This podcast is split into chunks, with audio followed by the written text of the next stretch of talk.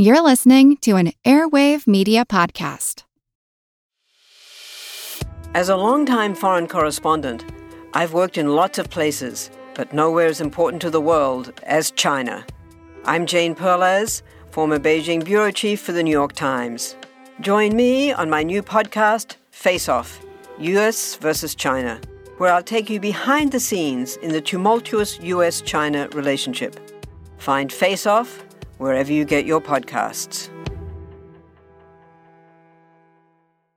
The corporate world is like the ocean. It's alluring, but it's also full of deadly creatures that can shred you to pieces. It becomes kind of like a Game of Thrones political arena where everyone's trying to murder you to get your job. My family doesn't come from corporate background, so I didn't have any sort of guidance in that. This is not your typical work podcast. Sometimes you need to be empathetic, and then there are times that you ask for input, but you don't really give a shit. Listen to the Ambie Award nominated podcast, Surfing Corporate. Stretch opportunity. What is this, yoga class? Get out of here. This is Kick Ass News. I'm Ben Mathis.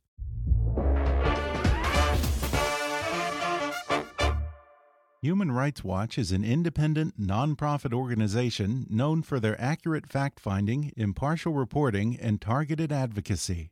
In partnership with local activists and human rights groups, they expose the truth in order to defend the rights of all and bring those responsible to justice. They rely on the support of informed, dedicated people, so visit hrw.org/kick to make a donation and support its vital work around the world. Your donation will be matched dollar for dollar until 2019. hrw.org/kick. And now, enjoy the show. Hi, I'm Ben Mathis. Welcome to Kick Ass News. Pete Holmes is one of the funniest and most sincere comedians in the business, and it's that same sincerity and willingness to expose the sad, awkward, and often embarrassing aspects of his life that's fueled not just his stand up career, but his popular podcast, You Made It Weird, and his hit HBO series, Crashing, which recalls how he turned a divorce and near homelessness into a successful career in comedy. Now he's returning to stand up for his newest one hour special, Pete Holmes Dirty Clean, which airs Saturday, December 15th on HBO. And today he comes on the podcast to talk about the special, paying his dues as a comic, and all of life's weird and wonderful questions. Pete says stand up is still his first love, but podcasting is how he makes his friends these days, and why he believes everyone, no matter where you live or what you do, ought to start a podcast of their own. He talks about being a brand new father, why audiences always want him to complain about his baby, and why he's determined not to be that parent who indoctrinates his kid with his own beliefs. He discusses his spiritual evolution, how he learned that comedians aren't all sinful scumbags, and even if they are, they can still be pretty good people. He reveals what's autobiographical and what's not in his series Crashing, the real life comedians behind some of the words of wisdom he gets on the show, and how he's addressing the Me Too movement in season three. Plus, some sage advice like tell a pregnant woman she looks small, tell twins they're nothing alike, be better than a grouper, and don't be a slave to an iWatch. Coming up with comedian Pete Holmes in just a moment.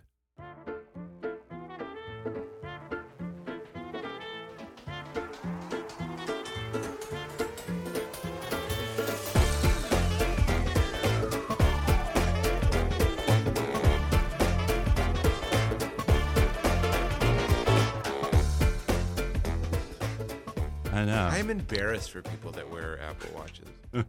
Are we recording? I want this. We out are there. whenever you're ready. Are we recording? Oh yeah. I want this on the record. Okay, you're let's go wearing on an the Apple record. Watch, like I feel pity for you. like you've just found a way to always have one twelfth of your phone out and on your Yeah. wrist. It's just like so close to taking you out of a meal or a movie. It vibrates when you have a call or a text. Just like so invasive. What do we work for these people? You know, like your Yeah. friends and your, uh, you know, the people that you know. I, I don't mind replying to texts, but it starts to pile up. We all start playing this endless game of tennis, hitting meaningless balls back and forth, just like, and then we're mad at each other when we don't reply. Did you get my text? It's like, can we just relax a little bit? And I don't want to watch telling me like. Jason just said, "Sounds good, dog." Like, I know. Get out of my dinner.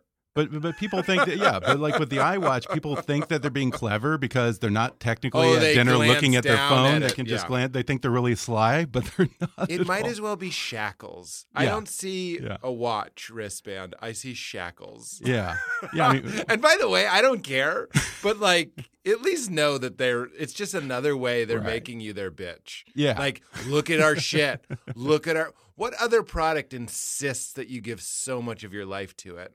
I know. It doesn't care about you. I'm trying like it's it's impossible to talk about this stuff, but I want to do a joke on stage. It won't work because it's too preachy and people love their phones and I love my phone and I understand. But like your phone doesn't give a fuck about you. Like it doesn't care about you. Yeah. You should just you should enjoy it, but don't start thinking it loves you back. That's the Yeah. mistake. You love it, but it's one way Yeah. and it's just a lie of colors and sounds and things that trigger your endorphins and your dopamine. Like, ooh, you got a like on Instagram. It's just a fucking, it's a drug. Yeah. And your phone is a drug dealer in the valley named Skis. And he thinks it's weird that you hang out after you buy the drugs. Like, that's what Yeah. we all are. We're like, no, Skis and I are friends. Skis wants you to beat it because he already has your money.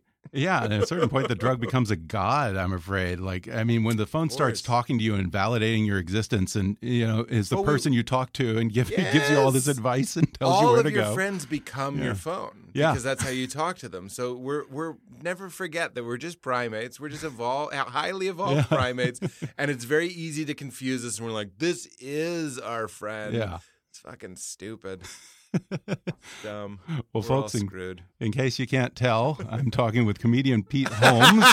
comedian comedian, This guy sounds actor, like a- writer. What else? no no no i meant i wasn't being funny I, I was feeling bad that i wasn't being funny enough to earn the intro i prefer Oh, I think you've earned it. You've more than what you earned it. i liked what you said. Okay. Well, you know him from his podcast, You Made It Weird. You know him from his hit HBO series Crashing, which returns for its third season January 20th. yeah In the meantime, Pete Holmes, who Here is not a comedian, No, has a new hour long st stand up He's special. not a good comedian. Okay. no.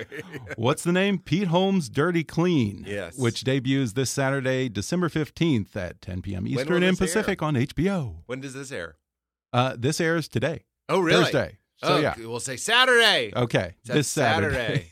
this Yeah. is it. This coming Saturday. How do, how do you do that? Do you, uh, let's say we- it was on Monday. Do you say next Monday or this I coming say Monday? wait for a What you? Saturday. It's that. Okay, I should shut up. I'm going to confuse no, people no. now. Next time it's Saturday. Okay. That's the day. Okay, You're ready. Pete. Congratulations, by the way. Thank this has been a big year for you. It has. You you had a kid, you Uh-huh. had a baby, uh, you're a new dad, you got married. A lot Uh-huh. has happened. Uh, first of all, boy or girl? I don't know. It is a girl. It's a very, it's a very beautiful girl. Um, and I, it, we're already becoming cliche parent. Do you have any kids?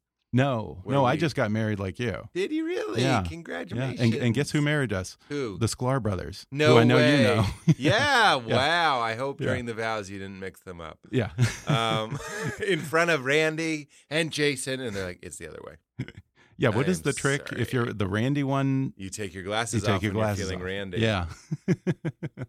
Uh, Now I, I am happy to say they won't hear this, but I am happy to say that I don't need that trick anymore because Yeah. Jason is very much a Jason, yeah. and Randy feels like a Randy. yeah. Isn't it weird that we become? I feel like a Pete.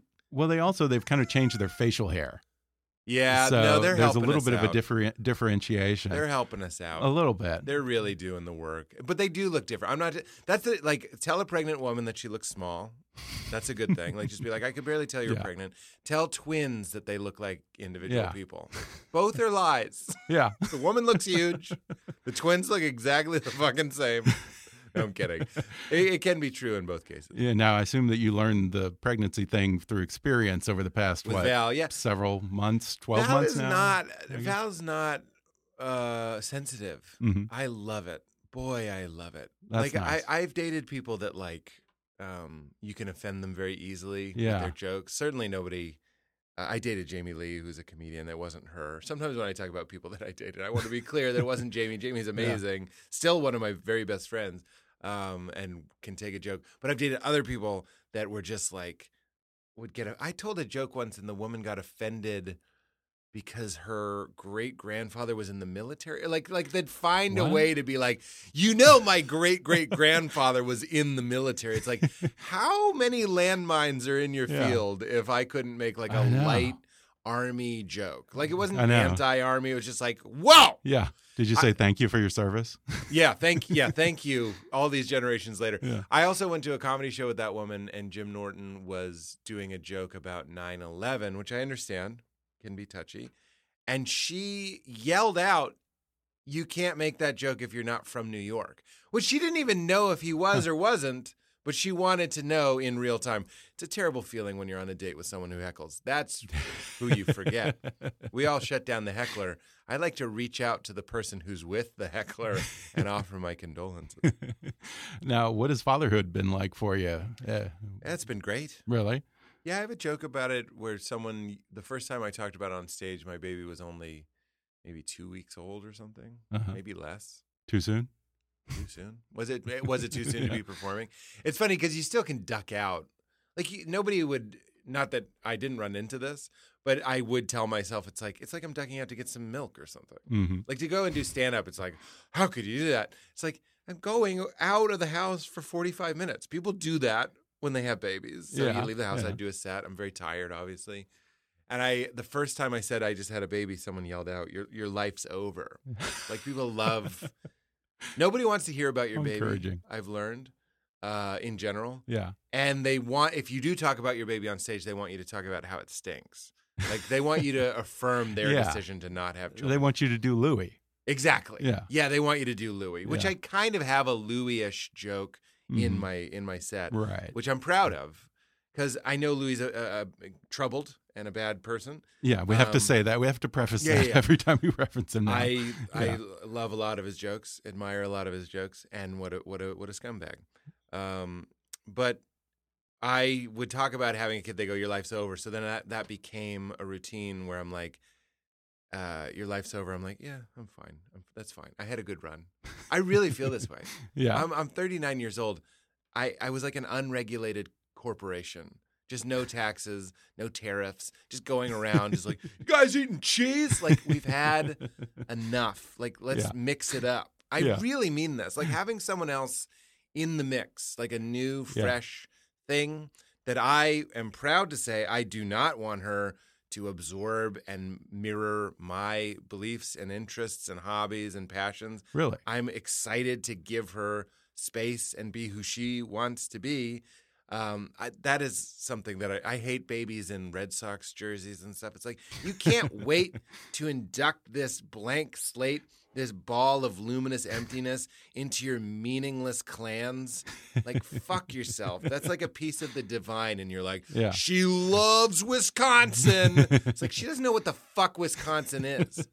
It's like I was in uh, where was I? Italy, and I saw a ladybug, and I was like, this ladybug has no idea it's Italian, and that's how I feel about my baby, and that's a beautiful thing. Yeah. We can't wait to impose all of these like Yeah. structured fake things. This is a girl. She doesn't know she's a girl. This is a white girl. This is an American white girl from LA. Like all that shit is nothing. She's nothing. Right. But what And- about religion?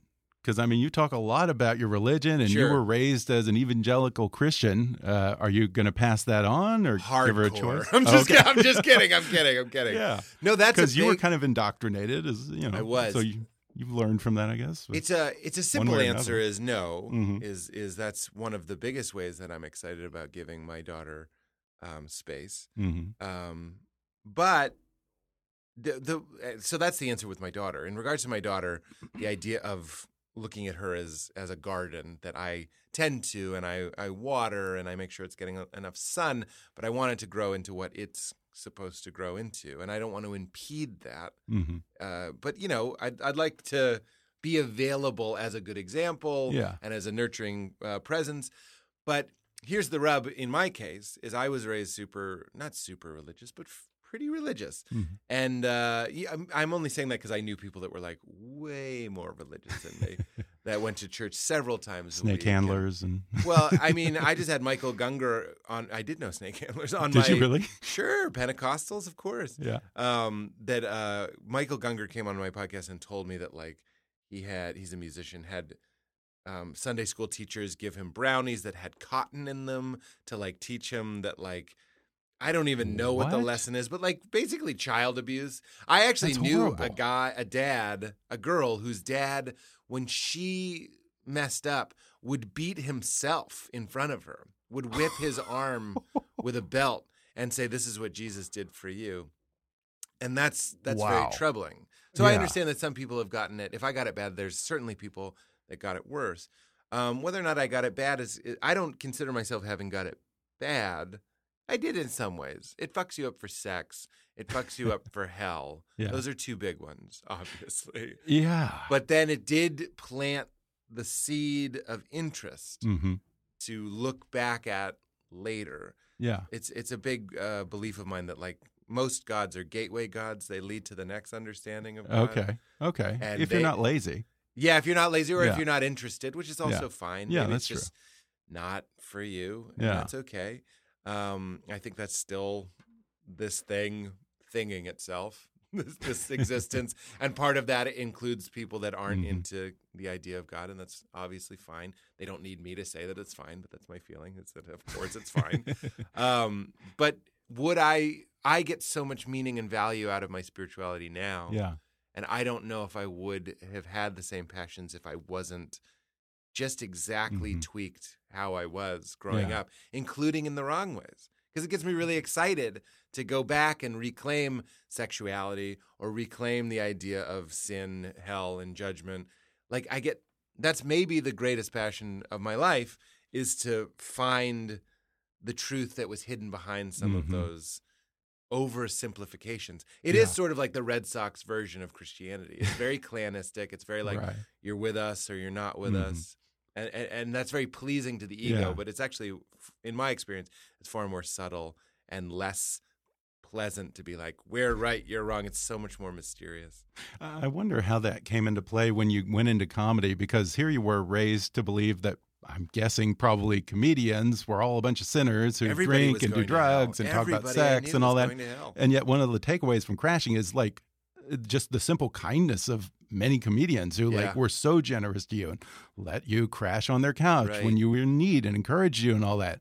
Was there kind of a picked up on clash of uh, ideas about what, what what the world of comedy and comedians was for you? Well, that was my experience. I mean, when when you're raised uh, believing that like some people are just fallen, or if Mhm. you're Calvinist, that they're just vessels of wrath. They're only here to like dis- disrupt you and tempt you and Yeah. knock you off of your pedestal and taint you and compromise your salvation. It's a shitty way and it's an exhausting way to look at other people. And in my experience, um, I say this with love, the scumbag comedians that I came back came up with, I say that as a joke. They're not really scumbags. That's the point. Is that they of course they would be lovely in certain ways. And of course lovely people are ugly in certain ways. Mhm. That's that's it. That's it.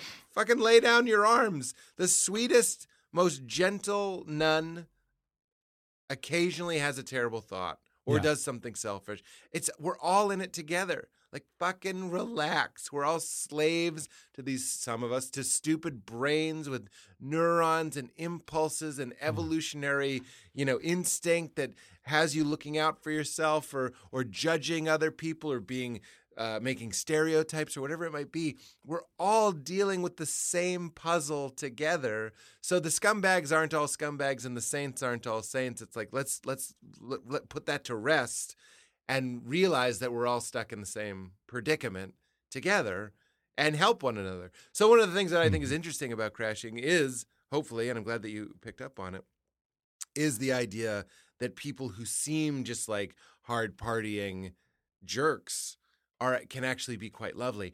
And people sometimes have questioned that if that is real or if that's something that we made up. And it's a hundred percent real. It's Oh, a yeah? hundred percent real. The people that I started with were super sweet underneath it. Like you'd have to Yeah. sometimes endure sometimes years of ball breaking and and and kind of rough play. And some of them are assholes, don't get me wrong, not all of them. Mm-hmm. But like I think when you're pure in your purpose and you really love comedy and you want to do comedy, chances are you'll find other people that that want to help out. Yeah, or maybe that kindness only reveals itself when it's really needed. Like Artie Lange might have busted your balls, or whoever he was based on. Yeah. You know, other comics might have given you a hard time until suddenly, you know, your wife cheats on you and you have nowhere to stay and all that. Yeah. Then that suddenly comes up to the to the to the fore. That's one of the, to the fore. Well done. Sorry, old English. I love it. I love that.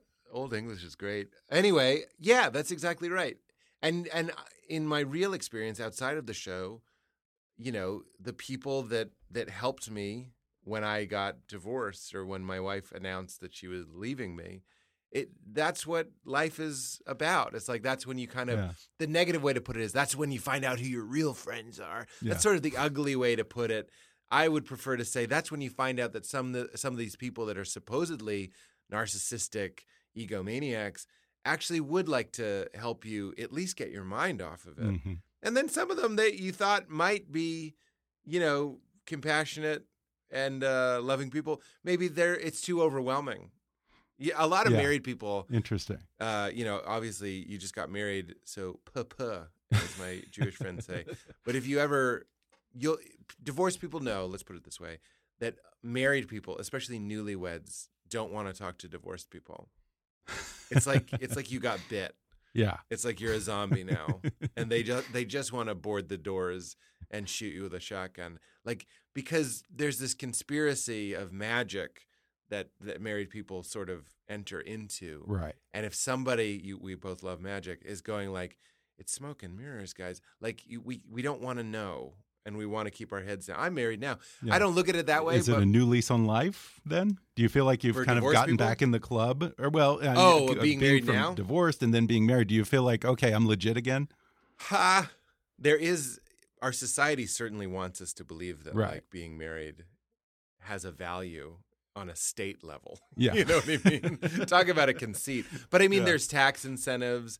I I notice like what is that? I don't. I'm not trying to be cute. If it's the patriarchy or hetero heteronormality or whatever Mhm. it might be, I'm sure I'm speaking from. I catch myself speaking from privilege sometimes. Even when I'm doing my stand up, there's a certain pride when you're talking about getting having a baby and you just sort of casually say my wife. Right. There's like a puritanical Yeah. like it- absolutely. even in like totally. It's happening in a deep subconscious place where you're Mhm. like this person's trustworthy. They, Yeah, because yeah. we do like commitment.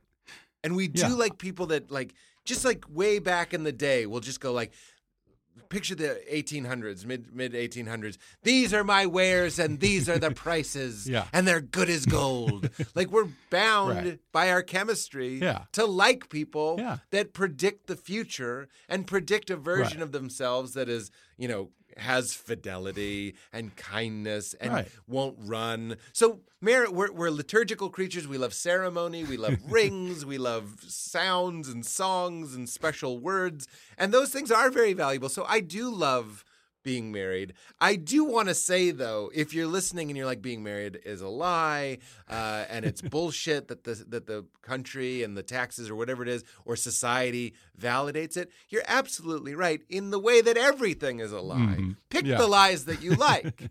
it's like Santa Claus. Pick Yeah. the lies that you like. Santa Claus is as real as you. Yeah. Think about that one for a while. Get high and think about that Santa Claus is as real as you because you start to question your own reality because you're manufacturing it with your brain. Yeah.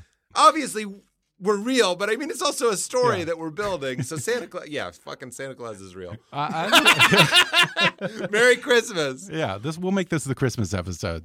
or Happy Han. Nobody Yeah. doubts the existence of oil and lamps. Yeah. I mean, Uh, those are real. I look at name dropping a wife or a husband as kind of virtue signaling that you're not a screw up anymore. It's Yeah, like no, I you can give me a promotion, you can trust me. I'm a responsible person now. Right. Before I was just a screw up and I Which you obviously know, was well, out it's in The dating and doing drugs and Yeah. partying. Do you remember The Departed? Alec Baldwin says Oh, to yeah, Matt Damon, yeah. "It's good to get married." Yeah. He says it shows people. He says it in an unkind way that you're not gay. First, but I mean, he's speaking to another level of the bias. Yeah. I don't like that reality, but there are some people that go, Mhm. "Oh, I thought he was gay. I like him more now." These people are fucked, and I do not stand with them. But that might be part of it, and this Yeah. is why people cringe at the idea of norm core people just like enjoying the easy path of look at us we're two straight white men talking about like it's it's important for us to check this stuff and go Yeah. like yeah i bet it's nice to twirl your cane and walk down the yellow brick road but some people are this this this this and this and, Mhm. and they don't feel as represented and, and i obviously my heart breaks for that Yeah. because it is all baloney and if we're making our own world we might as well have liturgy and rules and and perks and benefits in our society Mhm. for a broader spectrum of people because it's not the 1800s we don't live until 35 you know what i mean like Yeah. let's fucking mix it up let's re let's refresh things Yeah. i'm running for office We're going to take a quick break, and then I'll be back with more with Pete Holmes when we come back in just a minute.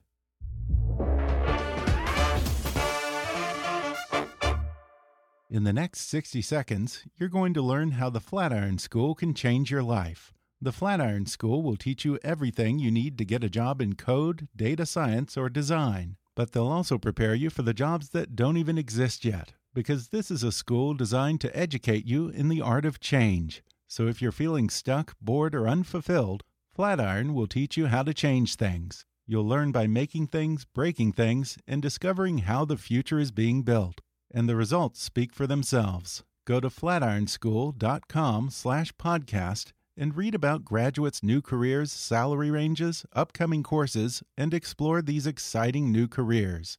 You can start building your own new career in coding, data science, or digital design at one of Flatiron's local WeWork campuses, or you can take courses online. Go to flatironschool.com slash podcast, read the reviews, and sign up for a free intro course. Enrollment is now open. It's time to future-proof yourself and change things, starting with you. flatironschool.com slash podcast. When you need an extra burst of energy but don't have time to wait in line, grab Espresso Monster. Espresso Monster is a premium blend of smooth espresso and cream, packaged in an 8.4 ounce can. It's just the right size and perfect for when you're on the go. Each can has three shots of espresso blended with European milk, just the way the Italians do. At 150 to 160 milligrams of caffeine per can, it's sure to give you the energy you need to conquer the day. Espresso Monster has two delicious flavors to choose from espresso and cream and vanilla espresso. Produced in Denmark and the Netherlands, Espresso Monster is made with freshly brewed espresso coffee, hormone free milk, and a unique energy blend that's complete with taurine and B vitamins. Whenever I'm having a tough time getting started in the morning or dragging a little bit after lunch, Espresso Monster gives me just the shot in the arm I need to power through my day. And I like their vanilla espresso so much that sometimes I just drink it for the taste of it. Not to mention, it's a lot faster and easier than waiting in line at a coffee place. So close your eyes, take a sip, and enjoy Espresso Monster today. And now, back to the show. I enjoyed the new stand up special. It's been two years since your last one. When you're married and about to have a kid, I assume was when you probably taped this and you're doing crashing and you've got the podcast. How do you find the time to actually get out there and work new material and get to the clubs?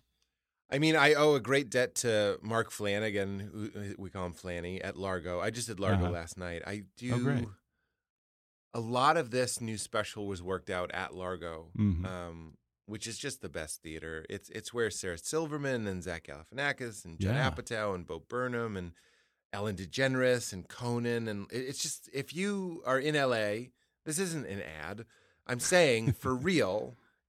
if you're in LA, Yeah. just go to Largo. Whatever is happening that night, go to Largo. Even if it, not to say even if it's music. If it's music, it's amazing music. Yeah. If it's improvised Shakespeare, it'll be the best show you've ever seen. Yeah. Or go to any of the stand-up nights. I guarantee Adam Sandler might Mhm. come in. You know, but it's not just celebrity driven. It's like it's like Right. this cozy, safe place. It's a 300 something seat theater, but it feels very warm.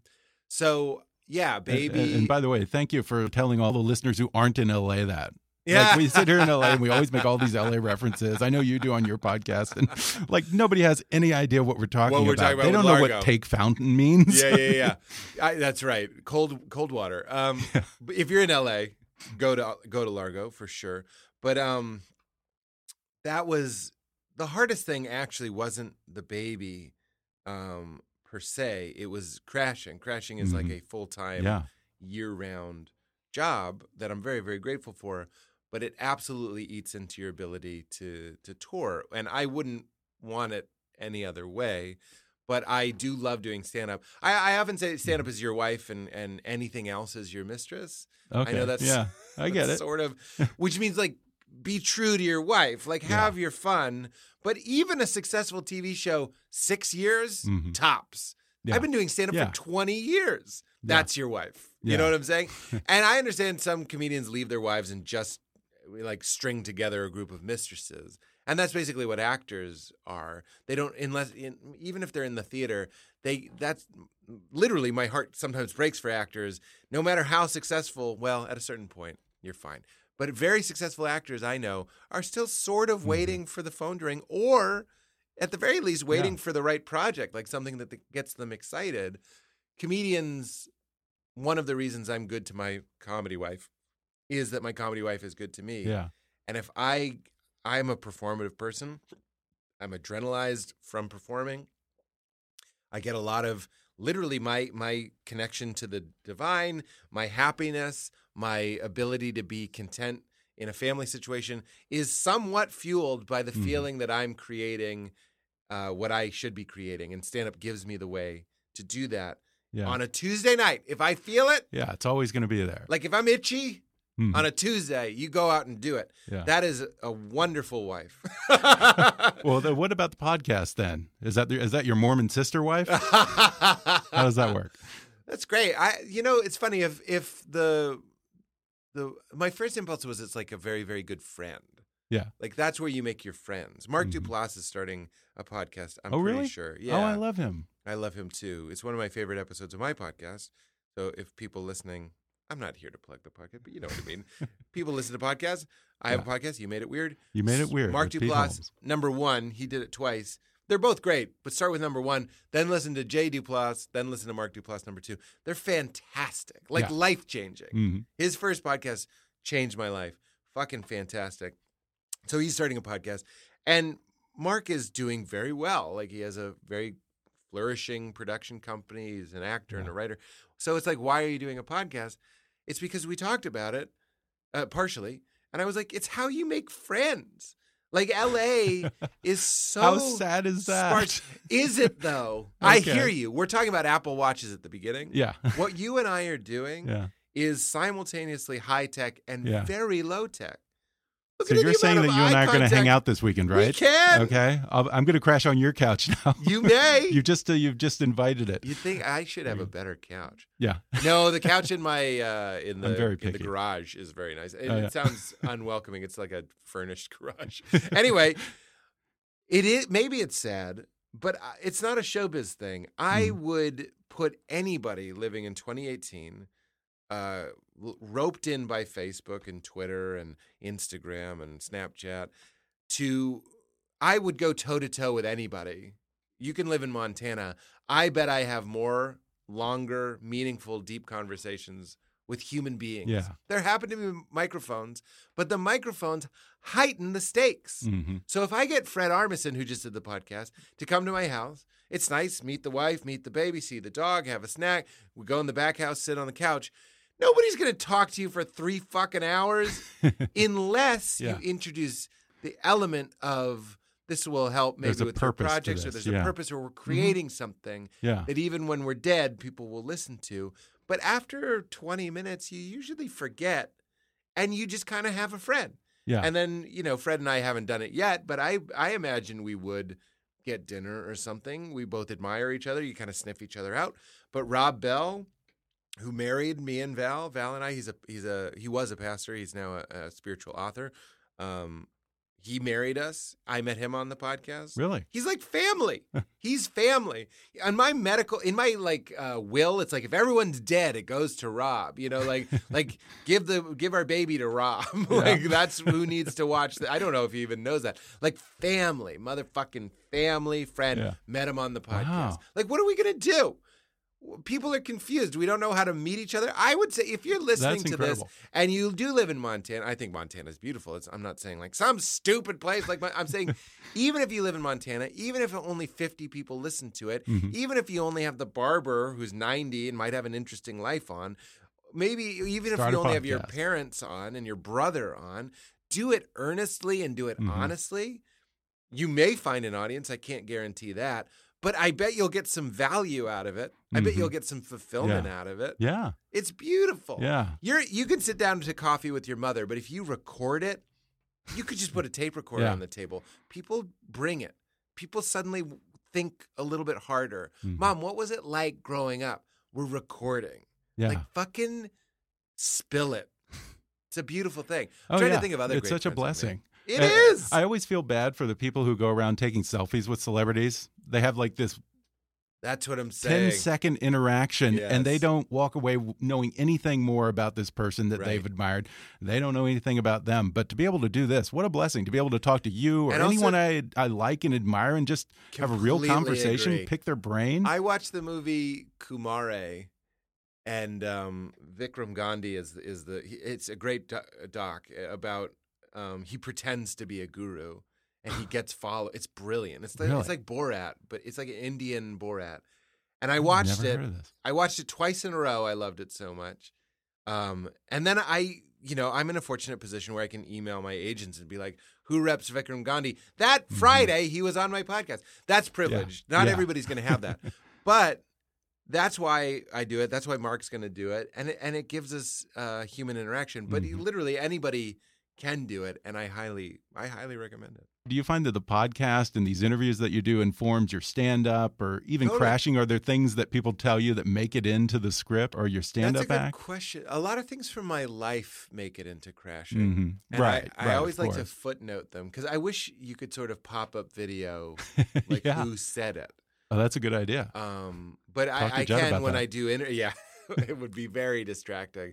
but I've taken a lot of the best advice I've gotten Yeah. and put it in, into crashing. Mhm. And usually we we we might uh, get the real person to do it, but it's never worked out. It's always Oh, someone. el It's never happened. it's always someone else telling me advice that someone else gave me. So like Marina Franklin says, um, if it sucks, that's how you know you're doing it right. And I I'm pretty sure that was um, Jim Gaffigan who told me that. Oh, yeah. The idea that like, oh yeah, she says in a few years they'll be begging for it, and that's what Jim Gaffigan said to me once when I was opening for him in Germantown, Wisconsin, and the uh, club was mad at me because I went a little long. Yeah. Because I did my time and then I read the announcements, and they were like, no, the announcements count towards your time, and I was I felt really bad. And he was like, in a few years, they'll be begging for it. And I wasn't shit. Like, that was such a Yeah. kind thing to say. And it really Yeah. meant a lot. And then the Lucas brothers say, um, they talk about the alt scene and uh, why I might want to go into the alt scene. And that's a blend of advice I got from Christian Finnegan and Demetri Martin. So, like, oh, yeah. I'm, and then Lewis Black says, "Don't make the mistake of being funnier off stage than you are on." In the third season, Jessica Kirson says that to me, and that is Lewis Black. hmm It's I'm just I trying, love that. I'm I just trying to get it out there. Yeah. I, I I love that it's not afraid to be too inside baseball. You don't treat the audience like they're a bunch of comedy illiterates. You talk about, Right. you know, being a warm up comic Right. and barking and all those kinds of different Yeah. things. Comedy condo. exactly. I wonder, uh, you know, like House of Cards. I'm trying to think of shows that have a lot of jargon. yeah. You know, we're learning computers, and I hate bad dialogue that's written like, "What do you mean I'm the first Yeah. comedian? I have to go up." you just Yeah. say you're the MC. A lot of host. Like, exposition and really it clunky. Yeah. and let the audience Mhm. sort of piece it together Yeah, because they they, will. Google. They Yeah. will, or pause it and give it a goog. yeah. You'll be fine. What's a warm up comic? We'll cover it, but you know it'll be fine. Yeah, a- and part of the thing that I love about the third season, and I don't want to give out too much, but I want to give you credit because you actually addressed the whole Me Too movement, and you do so in a way that you know pretty vocally condemns sexual harassment. And now I see that you're you're preparing for the conversation. Oh, I'm you're getting leaning ready, back baby. and stretching. no, I'm just kidding. I, I'm just very comfortable. but you know, you, you you do condemn the sexual harassment and all that, but you also deal with the gray areas, and you talk about you know how all this is changing, what a comedian can do on stage. I thought that was very brave because let's be honest, crashing, as far as I can tell, takes place in your early years, which would have been pre Me Too, as far as I know. Well, so you could have easily gotten away with not addressing anything. well, crashing does, that's interesting. It it it's in this weird reality. It's almost like Black Mirror. Is it present or is It it? is present. Oh, it is. Okay. Yeah, it's okay. present. But but you're not aware of the Me Too movement. you mean Pete, point. my character? Right. I mean, I think he is. Mhm. Um, it's it's it's it's a weird sort of overlay of my experience in you know the early 2000s, Mhm. or I guess it would be the mid 2000s, 2010s, whatever. I don't know how you say it. Uh, overlaid over today. Mhm. So you know, for example, like people's careers have advanced, but mine hasn't. You know, like when John Yeah. Mulaney's on the show, John Mulaney and I started together, but like not to, at the same time, but like around. the But he time. is John Mulaney. and he's John, Mulaney. Yeah. He's John Mulaney, Yeah. Radio City, John Yeah. Mulaney, and I'm just me. So there's there's a little bit of fudging the, the timeline there, um, but it's certainly 2018. Me Too is certainly a thing, and the episode I, I don't know if we're trying to let a character explain how he feels that he's being censored. Mhm. But from what I'm seeing is is it's not the most sympathetic case. Oh no, no, no, definitely. I just, when you say gray areas, I don't want people to think that we're like we're hitting right, back or something. Right, but you know he he's criticized for not taking an anti Me Too position, but Yeah. you know using it in, in in his comedy and his act in a way that may not be the smartest way right, Right. now, and there's Well, no room for nuance right now. Let's be honest. The episode, Mhm. and I don't mind saying this, the episode is about me and Allie, who's played Mhm. by Jamie Lee, open for Dov Davidoff, who's playing Jason. It's not Dov Davidoff; it's a guy. It's character's name, Yeah. Jason, who runs the Boston. And what happens is he does the first night he does this comedy that's very uh, unwoke. Yeah, It's sexist. It's got a Yeah. little bit of racism in it. But here's the trick: is I believe that those jokes that we wrote for him Mhm. would work, Mhm. and they do. We did them for the background, and they work. They're cheeky, but they're not not funny. yeah, They're just not very broad in their spectrum of right, understanding. right. It's like Andrew Dice Clay in Exactly. the 90s. Yeah, for sure. So you're basically doing something that I'm telling you, when we shot it, it it's funny. He does a joke Yeah. about consent and he's like, I don't understand it. And he did it. We don't prep the audiences. We don't say, like, the story is that he's uh, sexist. We just do it and, and, people were laughing. They're, they're, Mm-hmm. they're, they're not unfunny. But then what happens is the second show, Jamie, before he goes up, does a bit of her own to sort of torpedo his. This is just like a Mhm. little taste of the episode. It won't Yeah. spoil the episode. And then the audience responds differently, which, in my opinion, is what's happened. Somebody from Oh, the interesting. Yeah, minority, yeah. somebody from the victim pack blows the whistle or raises Mhm. blows the whistle isn't right raises their voice Mhm. and speaks up and tells people hey it, what's been going on is fucked up. And then when we look through that lens that same material different audience with having listened to a woman beforehand suddenly looks at the jokes differently. Mhm. and in my opinion that's what one of the things we're trying to do with the episode is kind of a microcosm of what happened. Yeah, It's and like- of course he feels like the rug's been pulled out from under him. Right, He doesn't know what just happened. right. Yeah, even and and it's sort of has and then we just have to Mhm. go like was it a good rug? I mean hmm i'm i'm aware having a podcast for all these years now there there's audio of me making jokes that aren't appropriate uh, i'm sure. I don't i don't know what they are but i'm i'm sure i have. And that's okay. We're always Yeah. trying to figure it out. Hmm it's like, who are you today? I understand that when I was young, we made a lot of uh, jokes about this or that or that. I don't even want to give examples. And now we're starting to wake up to the idea that that might be Yeah. insensitive to these people or these people or these people. And we're starting to empathize with their situation a little bit more. So I get that the comedian is like, this is fucked up. These jokes are funny. Uh, but, you know, there's lots of ways to be funny. Yeah. Well, I mean, we don't make racist jokes anymore. Yeah, Oh, right. Well, well as, as you pointed out in your special, we make Irish racist jokes. Yeah, that's right. Swedish racist jokes. Yeah, we yeah. don't make. If you're a different skin tone, That's then right. we don't make any kind of joke about ethnicity. I'm glad that you understand that Yeah. joke. Uh, uh, most, you know, people do. Is I make a joke about how why why is it okay to be for me as a white person to be racist towards other types of white people, Mhm. um, and it's just to kind of get us thinking because Yeah. I'm, I'm sort of toying with the idea that you can't I can't say like hero, like it's it's not Right, okay. I, right. I'm saying it's not okay. So anybody listening that's like, that's not okay. It's not okay. But why is it okay for me to be like, oh, Detroit, Detroit, Detroit? And I, we could have a conversation about that, oppression or Yeah. like what the groups have been through. But, Right. You know, it, it- it's just interesting. Yeah. I'm like, if we're going to be sensitive, let's talk about it. Let's really get Yeah. wild with it and explore it, not to necessarily find a conclusion, but to just uh, as a thought experiment. Yeah, there's why- a time limit on oppression, maybe. It's like what is it? Uh, tragedy plus time, Time equals equals comedy. equals Well, you and. I were talking so yeah, you know, if you were oppressed in the 1800s, then you know, time's up. There So was nothing now you're fair game. funnier in the, the turn of the century, I'm Yeah. sure, than doing uh, a Chinese impression. Yeah. Like putting on the hat. It was in the movies. Mhm. Right, right. And Charlie that- Chan. that shit needed to go. Yeah. So the fact that we're in this like growing pain, awkward place Mhm. is good. It's okay. And there are going to be people like Jason that go, I don't understand. This shit's funny. Yeah. He says in the episode, if people are pussies, fuck them, which I think is funny. but that's just what it is. It's just, Mhm. it's just a growing pain. Yeah.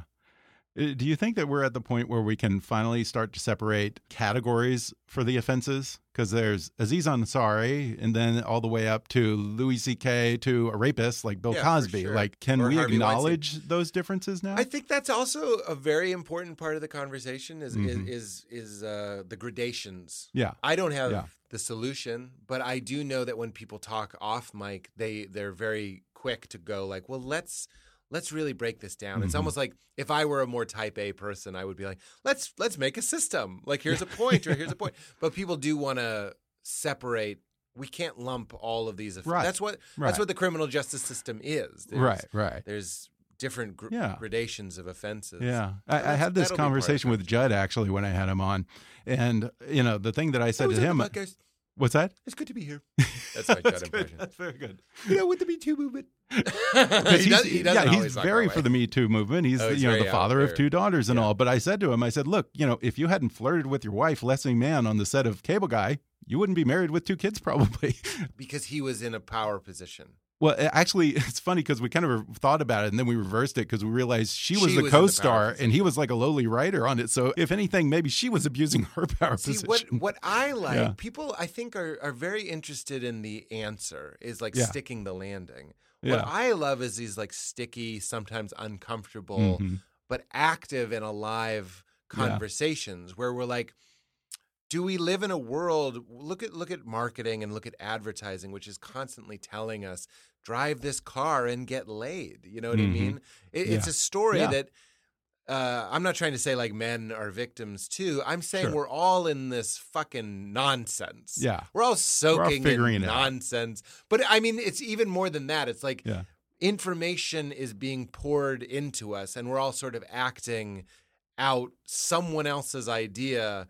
It might you might have inherited Yeah. something that, that wouldn't have been given to you if the world was different. Mhm. I'm not sure about that, but like the idea that like become powerful and get laid, like become rich and get laid, or get like get mates that are out of your. It's it's like Interesting. why- So it's almost like we aspire to power so we can abuse it. right it exactly. Well, that was in the 80s. Yeah. The conversation we're having now would have been preposterous. Mhm. You'd have been like, the whole point is to get a suit and get a Lamborghini Mhm. and eat at a fancy restaurant. And even though I'm ugly and weird, uh, you you flirt with the hostess and she sees your credit card. Yeah. Like that was a story, but somebody wrote that story. Yeah. And it's time for And a we're new all story. just playing the part. Is the point. Yeah. And and again, it's Uh. growing pains to go like, Mhm. but aren't we supposed to be impressive? Aren't we supposed to peacock? Yeah. Aren't we supposed Right. to like squat? You know, I watch Planet Earth, and that is what they're doing down there. Yeah. The groupers are, you know, going for the eggs that are in the water, and it's the ones that are sort of like the most dashing. But we are human beings, and we are called to a higher standard than motherfucking groupers. Mm-hmm. Yeah. And- but that, so.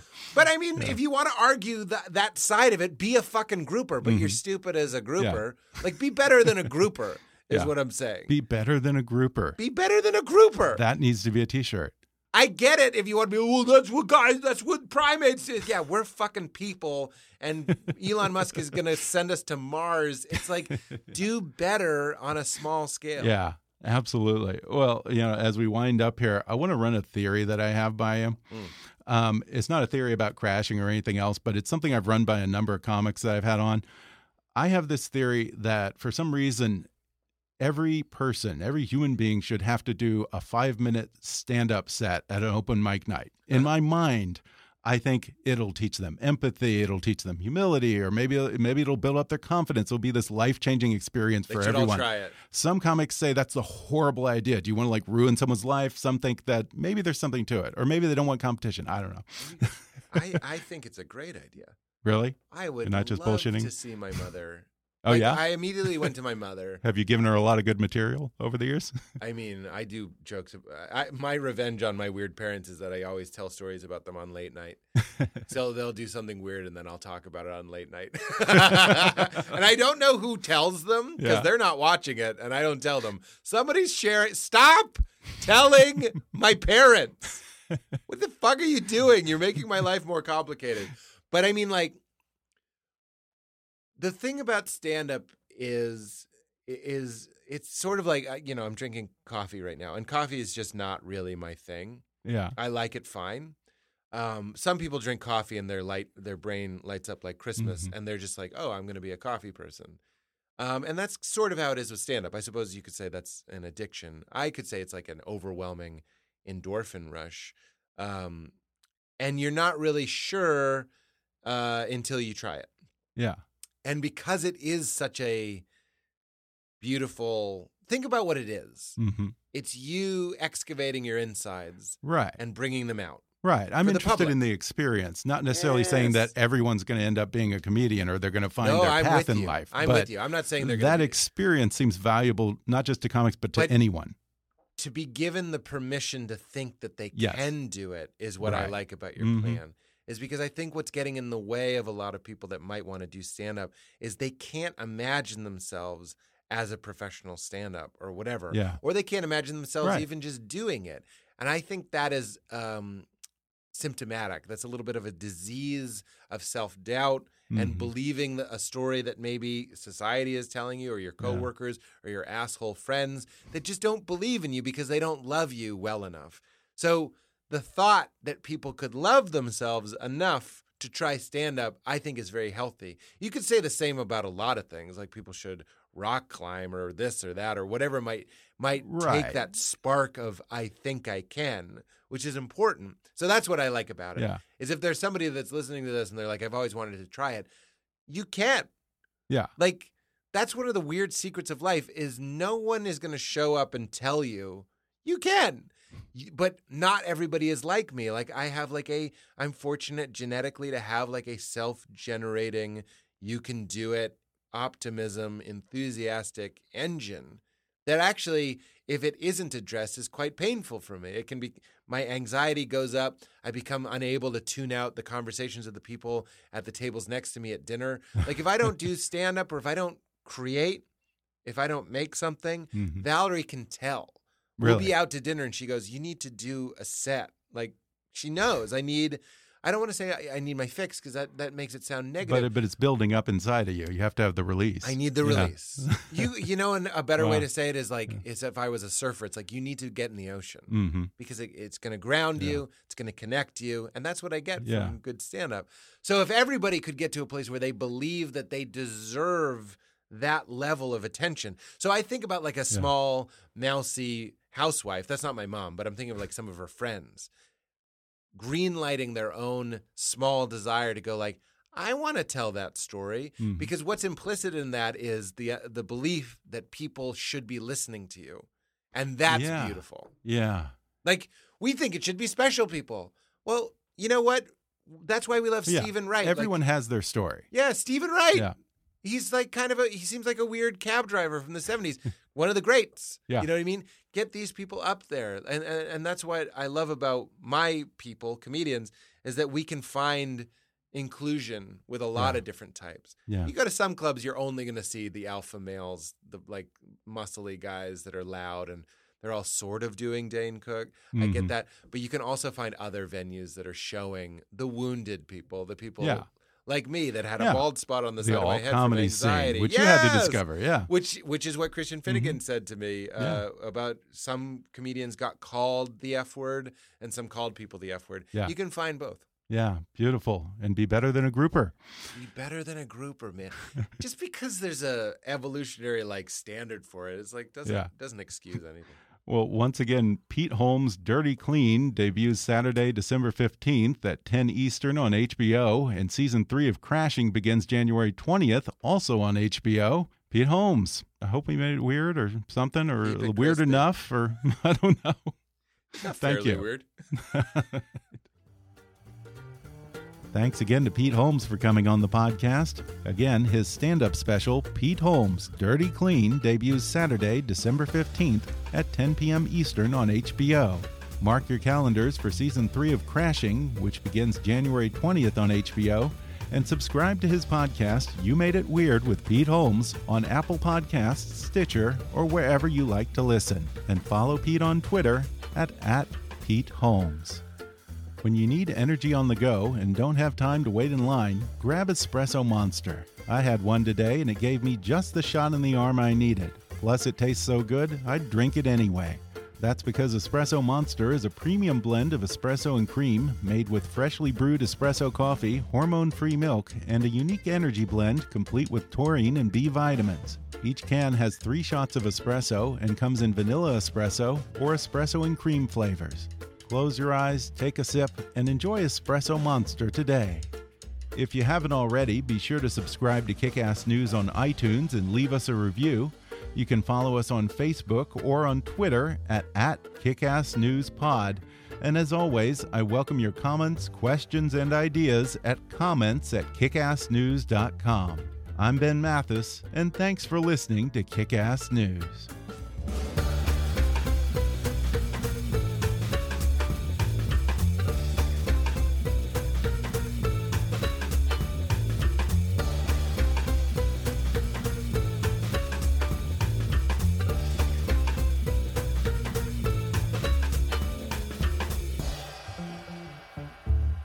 Kickass News is a trademark of Mathis Entertainment, Inc.